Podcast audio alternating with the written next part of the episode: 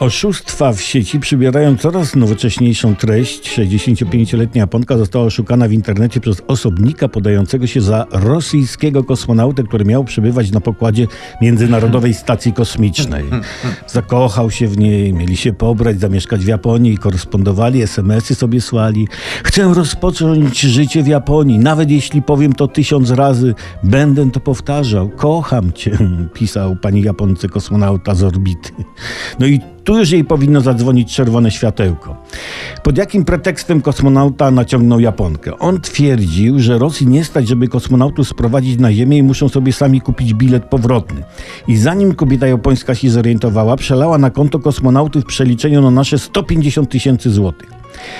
Pani się w końcu zorientowała, bo rosyjski kosmonauta moim zdaniem za słabo zarysował tło desperacji.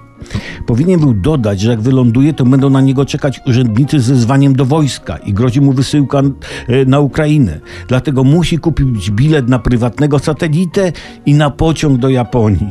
Ba, nawet jakby w skafandrze wyskoczył i poleciał na ziemię, to jego spopielone ciało też by dostało wezwanie.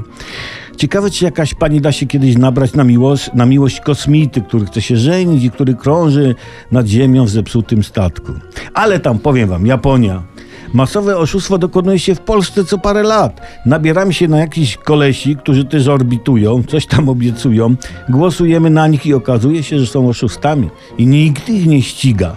I to jest dopiero kosmiczne oszustwo, a nie tam taki rusek.